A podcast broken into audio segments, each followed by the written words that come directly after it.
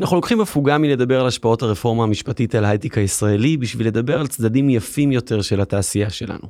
נדבר היום על מספר תוכניות שנועדו לשימוש בטכנולוגיה כדי לפתור אתגרים חברתיים, ה-8200 של מערך השירות הלאומי, תוכנית הכשרה וליווי לבנות ובני השירות הלאומי, במהלכה יוצרים פרויקטים טכנולוגיים שעוזרים לעמותות ופותרים בעיות חברתיות, וגם תוכניות דומות המיועדות לחיילים, משוחררים, קרביים, במטרה לעזור לחברה ולהיכנס ככה להייטק. תכף מתחילים. הייטק בפקקים, מבית Start-Up Nation Central. הייטק בפקקים מבית Start-Up Nation Central, אנחנו שוב איתכם כרגיל מדברים על יזמות סטארט-אפים, טכנולוגיה והעתיד. אני רועי טולדנו, הרבה זמן לא הייתי פה, אני מרגיש, איתי נירית כהן, התגעגעתי לדבר הזה. גם אני, גם אני התגעגעתי אליך. אנחנו באמת מדברים הרבה על הרפורמה שאני הגזמתי לא, קצת. אני לא חושבת שזה נכון, יופי, אז בואי לא, אז בואי תהיתי לא. מאיפה בא הפתיח הזה. אבל אני, אבל החיבור הזה ל...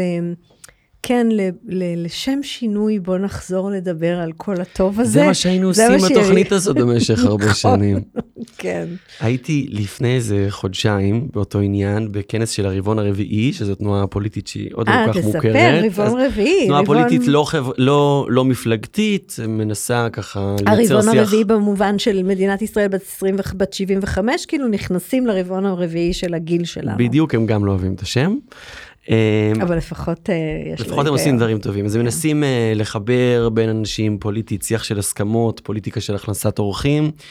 דיברו שם על היתרונות היחסיים של החברה הישראלית ועל איך אפשר עוד יותר אה, למנף אותם, אז דיברו כמובן על תעשיית ההייטק, ואז אמרו איך אנחנו יכולים להשתמש במשבר בשביל להפוך את זה למשהו עוד יותר מהותי, ודיברו הרבה על Tech for Good. היה שם אה, אורי הרמן, ה-GM של Cybereason, שדיבר על זה בהרחבה, ודיברו על אה, יהדות ומתן צדקה, ואני חושב שזה גם קצת מה שאנחנו הולכים לדבר עליו היום, ואיך אפשר להשתמש בכל הטכנולוגיה כדי לעשות דברים יותר חיוביים, גם פתרונות חברתיים וגם איך אפשר להכניס אה, אוכלוסיות שעד כה פחות לוקחות חלק בחגיגה הזאת של הייטק. וזה אני חושבת נושא ש... שעסקנו בו הרבה, זאת אומרת, התעשייה כ... כמנוע צמיחה למדינה, כמנוע צמיחה לאוכלוסיות. אה, זאת אומרת, אנחנו, אני חושבת שהמחאה, או חלק מהתוצרים שלה, אה, הדגישו אותה, תמיד אנחנו טקטקנו מספרים, נכון? אה, 10% מהאנשים מייצרים ככה וככה, מ- כמעט 50% או מעל 50% מהייצוא, מעל 25% מהמס הכנסה. כן. היינו ככה זורקים את המספרים האלה, וכשאתה עוצר שנייה אחת להסתכל על זה חברתית, אתה בעצם אומר איך אתה, איך אתה מגביר פה מנוע שהוא גם ברמה פרסונלית וגם ברמה לאומית, אה, מגביר ולא מכבה. או, אז שלום אה, למיכל אופיר, מנכ"לית הילמה, שמפעילה את תוכניות תבור 575, כרמל 6000, מפנה 2525, נבין מה זה המספרים האלה עוד רגע. אה, אהלן, היי, בוקר טוב, כיף להיות פה. כיף שאת כאן, כיף, ש- תוכנית יותר חיובית מככה חודשי- חודשים האחרונים. אה, אמרנו הרבה דברים חיוביים, תספרי לנו מה זה הילמה. אילמה זה בעצם כל מה שאת אמרת עכשיו. הילמה זו חברה לתועלת הציבור, שהמטרה שלה להאיץ פתרונות הייטק בתחומים של חינוך, רווחה ובריאות. בעצם אה, לייצר אימפקט במדינת ישראל ובעולם. מדינת ישראל היום מובילה באוטוטק, בסייבר, אנחנו Start-Up Nation, אבל כשאנחנו מסתכלים על העולם של אה, טכנולוגיות שהן לתועלת החברה, טכנולוגיות שיכולות אה, ככה לעזור לאזרח הפשוט, אנחנו נראה שמצד אחד מדינת ישראל לא מובילה בשימוש של פתרונות כאלה, ומצד שני גם לא מובילה בעולם. במקום שאם אנחנו נחפש עכשיו פתרון ייעודי לחולים, לקשישים, לילדים עם אוטיזם, אנחנו לאו דווקא נהיה המובילים. ובמדינה כזאת שהכוח האנושי, המשאבים האנושיים הם כל כך טובים וחזקים, אך טבעי שאנחנו נדאג לפתח פה גם את ה Start-Up Nation החברתי, את ה-social tech במדינת ישראל. אז, אז איך זה מתחבר נגיד לשירות הלאומי? אז בעצם מה שאנחנו עושים באילמה, בשביל שמדינת ישראל תוביל בהייטק חברתי, הדבר הראשון שהיא צריכה זה מנהיגות טכנולוגית חברתית. בשביל לייצר מנהיגות טכנו- טכנולוגית חברתית, אנחנו מכשירים צעירים וצעירות לעולם של ההייטק. יש לנו תוכנית לבני ובנות שירות לאומי, חבר'ה שרוצים להתנדב ולסייע, אה, ולא יכולים להתגייס לצבא מכל מיני סיבות, אם זה בנות דתיות, אם זה בנים ובנות מהאוכלוסייה הכלל ישראלית שיש להם מגבלויות כאלה ואחרות, או אתגרים כאלה ואחרים, אה, בעיות בריאותיות, נפשיות. או סיבות אחרות שבגללם לא מתגייסים לצבא, ובעצם החבורה המופלאה הזאת מגיעה אלינו לשנתיים של שירות, שבשנתיים האלה הם גם לומדים לפתח פתרונות טכנולוגיים, לומדים את העולם של full stack developers, את העולם של UI UX, את העולם של יזמות, תלוי מי ב... כל אחד במסלול שהוא ככה מסליל, אה, מתאים לו יותר, ו, והם גם מפתחים בפועל פתרונות לאתגרים חברתיים. עכשיו, אתה בהתחלה אמרת כמה שמות של תוכניות, אז אני אגיד באמת שהתחלנו עם שירות לאומי, יש לנו היום 64 צעירים וצעירות בשירות לאומי אצלנו, שהם מפתחים פתרונות טכנולוגיים לתועלת החברה. זאת אומרת, אתם, אתם עושים להם את ההכשרה, ואחרי זה הם משרתים במסגרתכם ועושים נכון. במסגרת השירות הזה את הפתרונות הטכנולוגיים. נכון. הדרך הטובה ביותר שכולנו נבין מיד מה זה, ניקח את 8200 בצבא, מגיעים, עוברים שם הכשרה, מפתחים פתרונות שקשורים לעולם הצבאי, לעולם הביטחון, וכאן אצלנו מגיעים להילמה, עוברים בוטקאמפ של כשלושה חודשים, קצת פחות בשירות לאומי, בלוחמים קצת יותר, ואחרי זה מתחילים לפתח פתרונות תוך כדי המשך למידה. עכשיו, רק לשנייה דיברנו על שירות לאומי, אבל שוב, זאת לא המטרה שירות לאומי, המטרה היא לפתח אה, את העולם של צעירים וצעירות שהם מובילים טכנולוגית, טכנולוגיות חברתיות, זאת המטרה. אז התחלנו בבני ובנות שירות לאומי, כי זה קהל יעד שהיה מאוד אה, קל ונכון להגיע אליו. והמשכנו ללוחמים משוחררים, חבר'ה שהיו בצבא ושירתו בתפקידי לחימה, וכשהם יוצאים אחרי שלוש, ארבע, חמש שנים, הם יוצאים לפער מאוד גדול. החברים שלהם שהיו ביחידות אה, מודיעין כאלה ואחרות כבר מתקדמים אפילו בתוך עולם ההייטק, והם עוד לא התחילו את הלימודים. אז גם הם מגיעים אלינו לאיזושהי הכשרה, ושוב, ל... אה, לתהליך שלם של שנה וחצי שבו הם מפתחים פתרונות לתועלת החברה, וכשהם מסיימים, הם כבר עם ניסיון, אבל עם ניסיון אמיתי של מוצרים שפועלים אצל הלקוחות, שנדבר עליהם עוד רגע. והמטרה שלכם זה ההשמה הזה שהם צברו את הניסיון הזה ועכשיו הם ייכנסו להייטק, או שהמוצרים עצמם הם המהות? אז בואו נדבר על זה לרגע. כי בעצם המוצרים עצמם הם המהות. המטרה היא להפוך את מדינת ישראל למובילה עולמית בהייטק חברתי. באימפקט, אוקיי? אנחנו רוצים לייצר כאן מצב שיהיו פתרונות טכנולוגיים במדינה שמסייעים לאוכלוסיות השונות, ושאנחנו נהיה המדינה שממנה זה יוצא. הדרך לעשות את זה, זה אותם צעירים וצעירות. אם לא נכשיר אותם, מי יעשה את זה? ולכן, כשאתה שואל אותי אם זה השמה, גם כשהצעירים והצעירות מסיימים את השירות בהילמה, והם מסיימים את זה עם ידע גדול ועם פרויקטים ביד, ומי שמהם רוצה, מתקבל מאוד בקלות לחברות הייטק כאלה ואחרות, מאוד מוצלחות, אנחנו עדיין יודעים שזאת הצלחה, כי הם יוצאים מאילמה עם חיידק, חיידק חברתי. ואותם חבר'ה, גם אם הם יעבדו היום בהייטק so called רגיל, שגם בו יש הרבה מאוד ערכים, בואו. Mm-hmm. עדיין יהיה להם כל הזמן ב-back of their mind מה אנחנו עושים לאותה אוכלוסייה של עיוורים, מה אנחנו עושים לקשישים, או איך אנחנו עוזרים להעצים ולהביא עוד נשים להייטק, עוד חבר'ה מהפריפריה. זאת אומרת, הם בעצם נחשפו לשדה חברתי מאוד רחב, ואותו הם לוקחים איתם לדיי ג'וב שלהם. אנחנו יצאנו לדבר פה הרבה מאוד פעמים עם יזמים ש... העולם התוכן שהם עוסקים בו מונע מבאמת ערכים או סוגיות חברתיות עמוקות. אמ, וחלק מהאתגר, וגם דיברנו באמת עם, עם משקיעים כאלה, עם קרנות כאלה, חלק מהאתגר בסופו של דבר זה, זה לחבר את זה לכסף. זאת אומרת, בסופו של דבר יזמים ומשקיעים מסתכלים על, על המודל הכלכלי, והאם יש מי שישלם. מאיפה אתם מביאים את הפרויקטים? הנקודה שאת אומרת היא ממש חשובה, כי אני חושבת שההבדל המאוד גדול בינינו לכל, לבין כל חברת הייטק אחרת, היא שאנחנו מתחילים באתגר, ושנייה אחת לא מדברים רגע על מאיפה נשלם. בעצם בהילמה יש כמה סוגים של פרויקטים.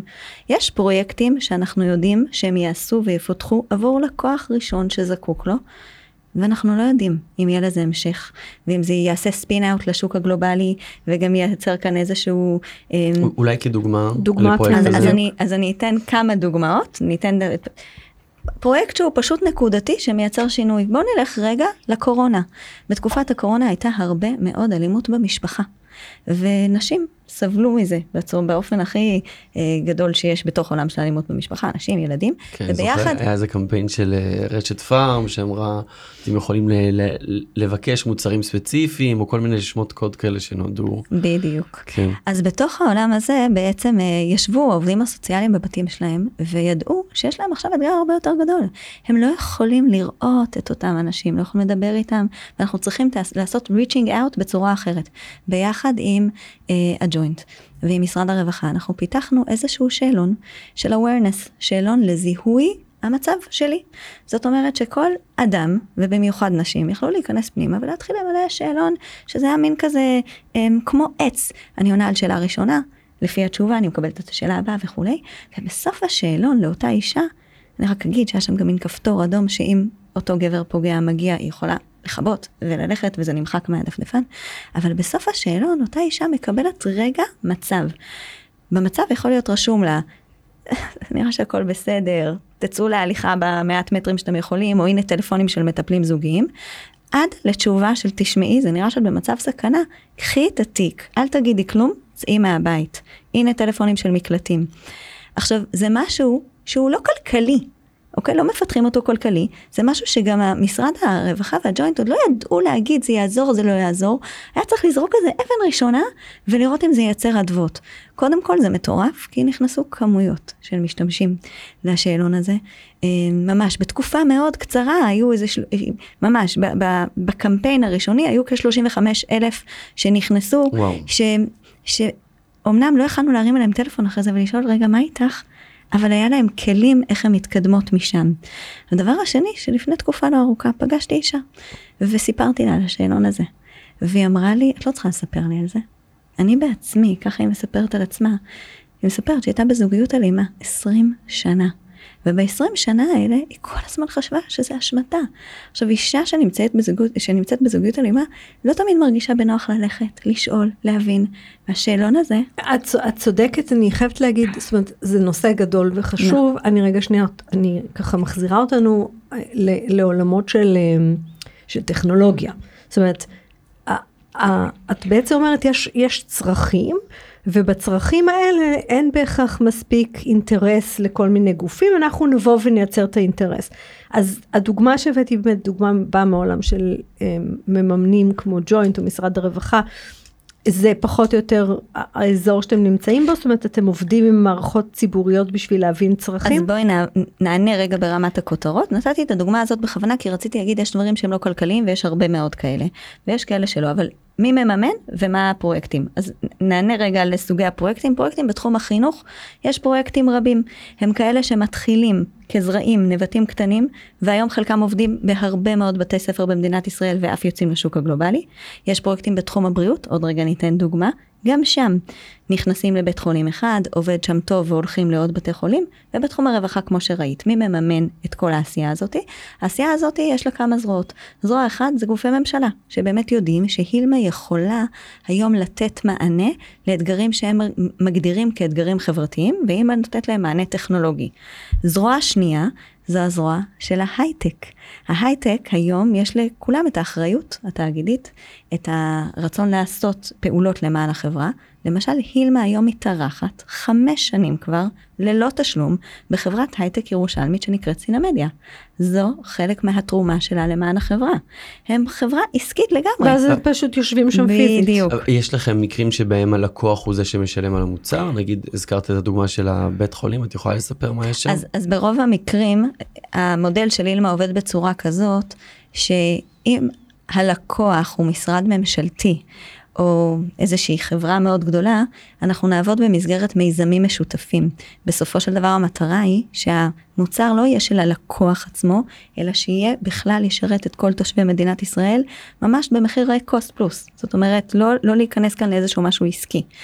אמ, ויש מוצרים שהילמה ממש מניעה תהליך מסקרץ'. מעצמה, באמצעות פילנטרופיה, שזה הזרוע השלישית, ובאמצעות אותם מיזמים משותפים מהממשלה, ואז היא יכולה להוציא את זה לשוק. אבל אם אנחנו מדברים פה על סטארט-אפ ועל כלכלה, המטרה של הילמה היא להיות סלף סוסטיין לגמרי, ולא רק זה, אלא גם לסייע לאותם לקוחות שעבורם אנחנו מפתחים את הפתרונות, הטכנולוגיים. מה זה אומר?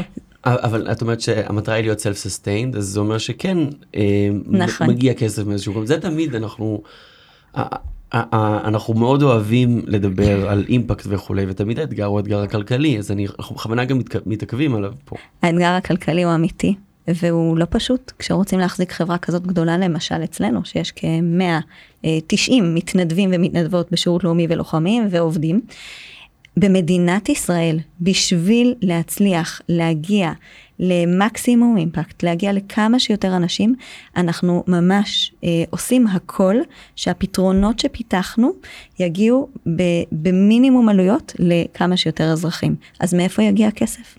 בסופו של דבר, מבין המוצרים של אילמה יש כאלה שבוודאי יכולים לעשות ספין-אאוט ולצאת לשוק הגלובלי. ואותם מוצרים יעשו את אותו ומהכספים של הרווחים ייכנסו גם להילמה להמשך עשייה לתועלת מדינת ישראל, וגם לאותו לקוח ראשון שאיתו פיתחנו את המוצר, ואני מאוד אשמח שנדבר על זה לרגע. כן, איך אני, אותם דברים. אני, אני חושבת לעצמי, הרי חלק מהסיפור של חינוך אה, יזמים ל... ל- ליזמות בעולמות החברתיים, אני נזכרתי בתוכנית שעשינו עם שחר אה, מגוד קומפני. כן אני גם נזכר בו תוך אז כדי. זה, זה, הוא דיבר שם בצורה מאוד ברורה כמשקיע, שזה מה שמאפיין את אופי ההשקעות שלו, אה, בעובדה שבעצם אה, את- אתה חייב למצוא למי יש אינטרס לממן. זאת אומרת, גם, גם הכי, כאילו אנחנו כאילו פוחדים לדבר על כסף, כאילו אנחנו בעצם כאילו קפצנו לכסף, לא בשביל להגיד, אם אין כסף אז לא נעשה את זה, להגיד נכון. בעצם אנחנו צריכים ללמד יזמים למצוא את הדרך אל הכסף בתוך יזמות שהיא חברתית. לגמרי. אני חושבת שיש פה ביצה ותרנגולת, וזה אחד הפיצוחים המאוד מעניינים אצלנו. יש לנו מוצרים שכשפיתחנו אותם, אף יזם לא התעניין בהם, אף משקיע לא התעניין בהם, והיום הם במצב ממש אחר. עכשיו, אם ארגון יכול להרשות לעצמו לעשות 70 אחוז, שזה המקום שאת יודעת שיש לזה גם את האימפקט החברתי, אבל גם את יודעת שיש את המסלול של התמיכות הכספיות, ו-30 אחוז שהוא יותר הפרובונו, אבל אמיתי, אוקיי? מה זאת אומרת אמיתי? הרבה פעמים אתם תמצאו מתנדבים שמפתחים מוצרים מדהימים לתועלת החברה וזה חשוב. אבל מה קורה ביום שאחרי? אחרי שהם פיתחו איזושהי אפליקציה שעוזרת להסעות להגיע, או איזושהי אפליקציה שעוזרת לילד אה, עם שיתוק מוחין להיות בתנועה. מי יתחזק את זה? מי יפעיל את זה? אז כשאני אומרת לפתח משהו פרובונו, אני אומרת לקחת מוצר שלם ולדאוג לו אחריות שהוא מלאה. יחיה. כן. לא לפתח איזה POC ולהגיד פיתחנו ושלום. כי אז לא קידמנו את ה Start-Up Nation שלנו פה. מעולה. באופן כללי גם אני זוכר בתוכנית עם שחר אנחנו מדברים על חברות נגיד monday שהמוצר שלהם אה, עוזר לחברות בניהול אה, משימות ופרויקטים וכולי ויש להם זרוע שעוזרת לעמותות אה, אז זה מעין חלק כן, שהם זה- מין זה אחריות תאגידית כזו. כן, בדיוק, זה... ויש מוצרים שככל שהם מצליחים ככה החברה אה, נתרמת. כן. ונראה לי שאנחנו מדברים פה יותר נכון. על, על מוצרים מהסוג השני, אבל עדיין כמובן שלמצוא לזה כ- כלכלית זה אנחנו לא סתם מתעכבים על זה אלא כי כדי זה באמת כדי שאתם תהיו ברי קיימא שהמוצרים האלה ימשיכו להיות ימשיכו להיות ברי קיימא. שאנשים יוכלו לצאת אחרי זה לעצמאות מתחת לכותרת של עמותה, לגמרי. ולדעת שיש להם כלים לעשות את זה, שזה לא צד אחר או של לא עמותה החיים. אלא עסק חברתי. אז זה מה שאני אומרת, לצאת מהכותרת, זאת אומרת, כאילו כן. יש את ה... כי אחרת זה תמיד נשאר ב... אני מתנדב לעשות איזה אפליקציה לעמותה, להבדיל מ... אני מקים פעילות בתחום כזה. ואנחנו יודעים, אנחנו פגשנו כאלה שעושים כן. את זה. נכון. אני חושב אבל שכן לא דיברנו על, ה, על העניין של מוביליות חברתית. נכון. כי, אה, סתם אה, לפני התוכנית עברתי על דוח תמונת מצב נשים בהייטק של אה, מכון המחקר SNPI ועלה שם ש-35% רק מהנש... בהייטק יש 35% נשים. וגם מה התפקידים שלהם. בדיוק, שזה גם לא בגלל עם הליבה. מיעוט במקצועות הטכנולוגיים, כן. יותר באופרציה, בדיוק. עיצוב, תפקידים אה, מדעיים, מיעוט אדיר בהנהלה בכירה, רק 16 אחוזים. אה, אגב, בחברות ישראליות המצב יותר טוב, בחברות אה, בינלאומיות המצב פחות טוב, אפשר גם להבין את זה בגלל הנתונים של מקודם, של פחות תפקידים טכנולוגיים. אבל כן, אגב, בין היתר, שיש טיפה, מעט יותר נשים, המצב טיפה פחות גרוע במוצרים חברתיים, בחינוך, בביוטק, שזה כבר עולמות, כבר טיפה נושא אחר, אני רוצה להוסיף משהו על העניין של הנשים, כן. שאתה אומר. יש נשים בהייטק, ובאמת, כמו שאת אומרת, מה התפקידים שהן עושות שם, וגם מי הנשים שבהייטק. כי בהייטק אתה תמצא יותר את האוכלוסייה הכללית. אפילו את האוכלוסייה, שממנה אני אגב מגיעה, של הציונות הדתית, של בנות דתיות, תראה פחות נשים, כי האוכלוסייה הזאת מאוד מסלילה את הבנות. כשאני סיימתי אולפנה, היה ברור שהולכים ללמוד תואר ראשון, שמתחתנים, שיש ילדים ושמוצאים עבודה שאפשר לגדל בהם בילדים. הבנות שמגיעות אלינו, כשאנחנו שואלים אותן בהתחלה, מה תעשו אחרי השירות לאומי? רובן עונות שהן מן הסתם ילכו להיות מורות למתמטיקה, אה, שהן יעסקו במקצועות קצת של חקר, אבל ההייטק זה משהו שהוא קצת מפחיד אותם. ובסופו של דבר יש לנו יותר מ-90 אחוזים של אה, השמה או של לימודים אה, במקצועות הסטם. זאת אומרת, התוכנית הזאת מסלילה. שוב, אני חייבת לסייג כאן, זה לא שאני חושבת שלא צריך שיהיו מורים ומורות ודברים שכאלה, אבל בוודאי שיש שם תת ייצוג. והאוכלוסייה השנייה שהיא בתת ייצוג בהייטק זה העולם של הפריפריה. אה, וכן... ואגב, בנשים הרבה יותר ייצוג בשירות לאומי, אני מניח. נכון, כן. נכון, נשים דתיות. אז מה שמאוד מעניין אצלנו, וזה חוזר, אגב, להכשרה שדיברנו עליה, זה שבשונה ממקומות אחרים, של מק- מקומות הייטק אחרים, וגם מקומות שיש בהם בנות שירות לאומי, הכוח אדם אצלנו של השירות לאומי הוא הכוח אדם העיקרי. הם מובילות, הן מובילות והם מובילים את העשייה בהילמה. יש מעטפת של מנטורים מעולם ההייטק שיש להם את הדיי ג'וב שלהם שרוצים לעזור להם, יש מעטפת של עובדים, אבל הן הכוח האדם העיקרי. ואז נוצר מצב שמהר מאוד הן מתרגלות, שהן מובילות, שהן מציגות את הפרויקט, שהן נהיות, בשנה השנייה הן כבר ראשי צוותים, סקרמיות. אמ, זאת אומרת, הכוח אצלם ורואים את זה. עכשיו, כחלק מההכשרה, אנחנו מכשירים אותם גם איך לעמוד בפני קהל, איך לדבר אנגלית, יש להם ממש קורס של אנגלית, הרבה מאוד כלים. אבל כשיגיע מזכ"ל האו"ם לאילמה, והוא הגיע, מי שהציג לו את הפרויקטים, זאת לא אני, זה הבנות. אוקיי? כן, זה, זה אני, אני השינוי חייבת הגדול. להגיד שזה מצחיק, כי צללנו ישר ל, להילמה בתור אה, מנגנון לייצר אה, חדשנות אה, חברתית, ואני כשנפגשנו ככה עם הרעיון ו, והפעילות שלכם, קפצתי הרבה יותר מה, מהסיפור הזה של ה- לקחת, כי אנחנו מדברים פה המון בתוכנית הזאת על אה, גיוון אוכלוסיות, אה, הרחבת העוגה למקומות ש, שלא מגיעים אליה, והסיפור הזה של, אה, בהגדרה, אוכלוסיית היעד של שירות לאומי, לא, היא אוכלוסיית יעד שבדרך כלל לא נפגשת עם התעשייה. נכון, וכאן עכשיו זה לא רק שהיא נפגשת עם התעשייה, היא מובילה בתעשייה. יש פה אבל איזה כן איזה קסם שלא לגמרי ברור לי, שאת אומרת שהם עוברים, עוברות תוכנית הכשרה של שלושה ארבעה חודשים, תלוי בתוכנית, ואחר כך כבר רצות להקים פרויקטים. אז בוא נדבר על זה רגע. כש junior כן. רגיל מגיע, ל... כשמישהו סיים ל... ללמוד ב bootcamp אפילו, אוקיי? ומשתלב כן. בעולם ההייטק, מה הוא יקבל? הוא ייכנס לצוות שיש בו צוות של אנשים שכבר מפתחים הרבה מאוד שנים, הוא יקבל feature קטן שאיתו התחיל לעבוד. ואצלנו זה באמת הזוי, אנחנו קוראים לזה לפעמים נס, זה עובד קצת אחרת. החבר'ה מסיימים bootcamp של שלושה חודשים, שהוא מאוד, אני אומרת שלושה, אבל שוב, בגדול, תקופה, כן. שהוא מאוד אינטנסיבי. מה קורה בבוטקאמפ הזה? הם לומדים בפרקים נושאים שונים, כשבכל פרק יש להם מנחה. הפרופסור שלמה קיפניס אצלנו שמוביל, הדיקן שמוביל את הלימודים, הוא נותן להם איזושהי אה, התחלה של נושא, הם לומדים אותו באמצעות סרטים, באמצעות אה, בעצם project based learning, בעצמם. זאת אומרת, כבר בשלב. ההכשרה הם מתחילים להתקייל על לגמרי, פרויקט. הם לא על פרויקט, בשלב ההכשרה הם לומדים להיות לומדים עצמאיים. Mm. כי כשאתה בסוף מגיע לפתח איזשהו מוצר, אתה צריך לדעת לחקור, אתה צריך לדעת לשאול, אתה צריך לדעת לנסות לבד. עכשיו, זה בהכשרה עצמה, בכל מקטע של הכשרה, יש להם כבר מין האקתון כזה שהם מפתחים מיני פרויקט, אבל מיד עם סיום ההכשרה, הם יוצאים לפית, לפיתוח של מענה אמיתי לאתגר חברתי. א', הם מחוברים אליו רגשית, כי בעצם חיברנו אותם לאיזשהו צורך חברתי, אז יש פה איזשהו רצון הם בוחרים לעבוד. אגב, או...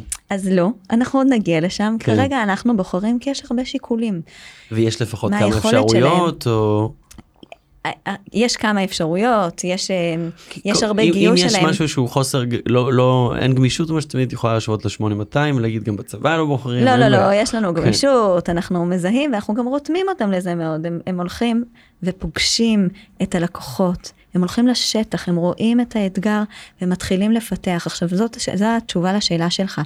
זה לא שבסיום ה bootcamp, החבר'ה האלה הם מפתחים והם יכולים להשתלב בהייטק, זה בדיוק ההבדל. בסיום ה bootcamp הם משתלבים אצלנו, ויש פה תוכנית סדורה של לימודים של פעם בשבוע, של המנטורים שמלווים אותם, של העובדים.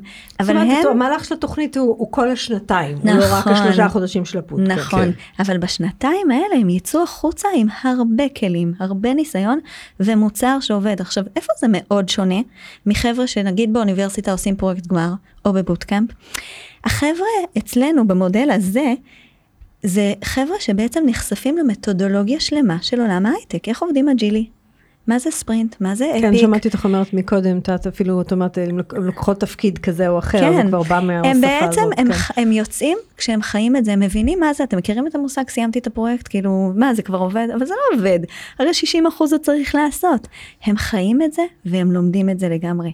ויש לי מילה אחרונה, אני לא חושבת, אני לא באה לספר כאן על הילמה כהילמה רק, אני חושבת ורוצה, וזה החזון של המייסדים, יוסי צוריה, שהקים את הילמה, אוקיי? אה, שהיה אחד ממקימי חברת NDS הירושלמית, החזון הוא שיהיה הרבה הילמה במדינת ישראל, או לא הילמה, גופים כהילמה, גופים שמכשירים מנהיגות טכנולוגית חברתית, וה, ומפתחים פתרונות שמסייעים. אוקיי? אני תוהה מה קורה אחרי השנתיים. נגיד אה, פתחנו, אה, פיתחנו מוצר שעוזר, סיפרתי על זה בשיחת הכנה, שעוזר כשיורדים אוספיקול. אוספיקול. בוא נדבר על אוספיקול כן, מה ונספר מה אוספיקול? קורה אחרי שנתיים, כי זה מוצר מהמם שבאמת צריך לדעת ככה איך זה קורה. תנו לי דקה על אוספיקול. בבקשה. דקה על אוספיקול, אחות ראשית בבית חולים הר הצופים באה ואמרה, תקשיבו, כשאתם לוחצים על הכפתור האדום, אין לי מושג מה רוצים. יכול להיות שהבן אדם אומר שהוא הולך, אה, הוא צריך עזרה לקום מהמיטה, יכול להיות שהוא צריך להוציא את האינפוזיה, יכול להיות שהוא צריך בסך הכל כוס מים, ויכול להיות שהוא הולך למות. פיתחנו אפליקציה עם הצעירים והצעירות. אפליקציה פשוטה, יושבת על המיטה, אפשר ללחוץ על הכפתורים, כל כפתור מגיע לכוח אדם הרלוונטי במחלקה.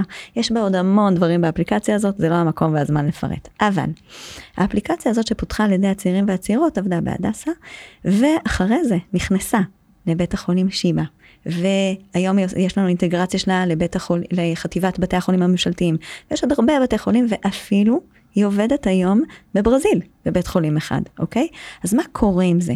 הצעירים והצעירות פיתחו את הוספיקול בשנתיים שירות לאומי שלהם. שזה לפני כמה זמן היה? שזה היה לפני אה, שלוש וחצי שנים, אפילו, אה, לא, ארבע שנים התחילו לפתח כן. את זה.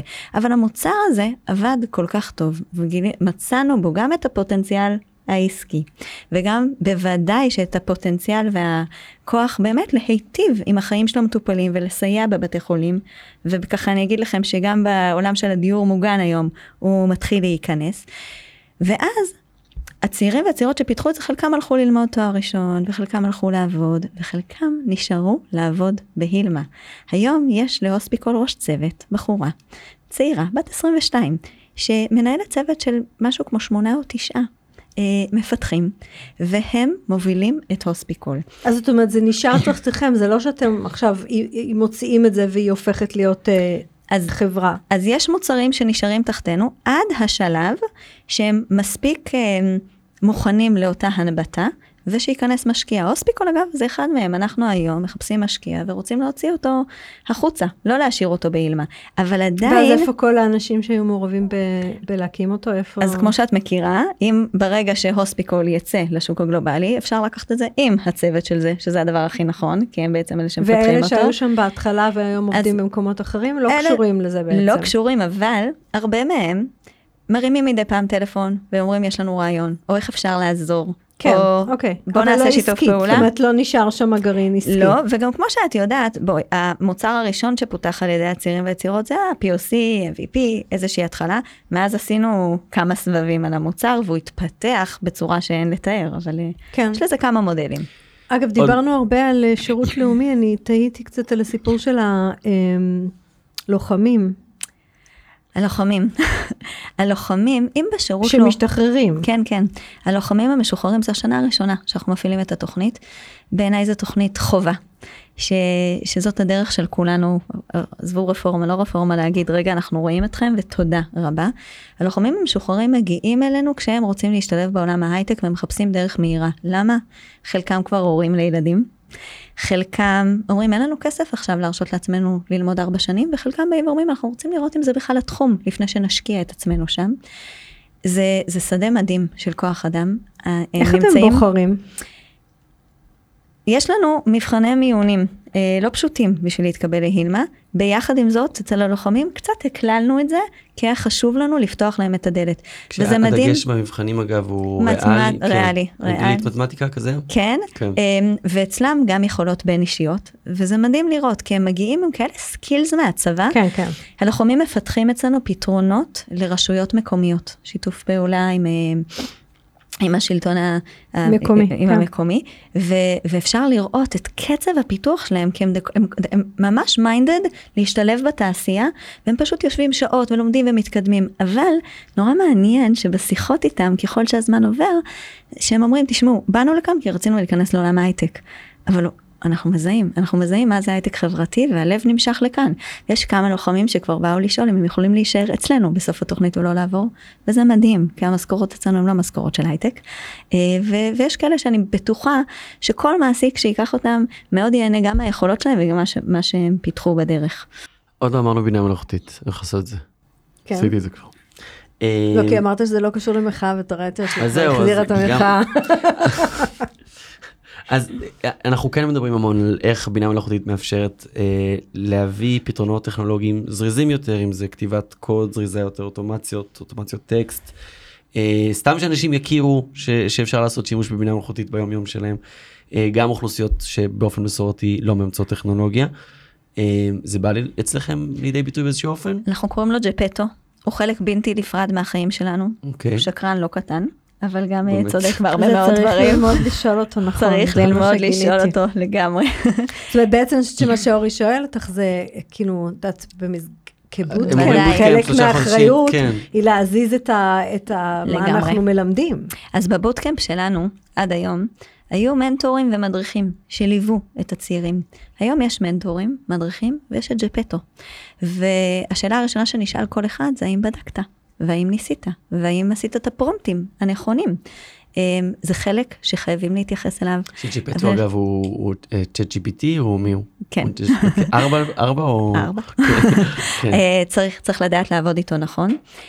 ברור לנו שהוא מביא ערך, ברור שיש קודים שלמים שאפשר לכתוב איתו, ועדיין יש הרבה מאוד דברים שצריך את יד האדם, שצריך את הבדיקות.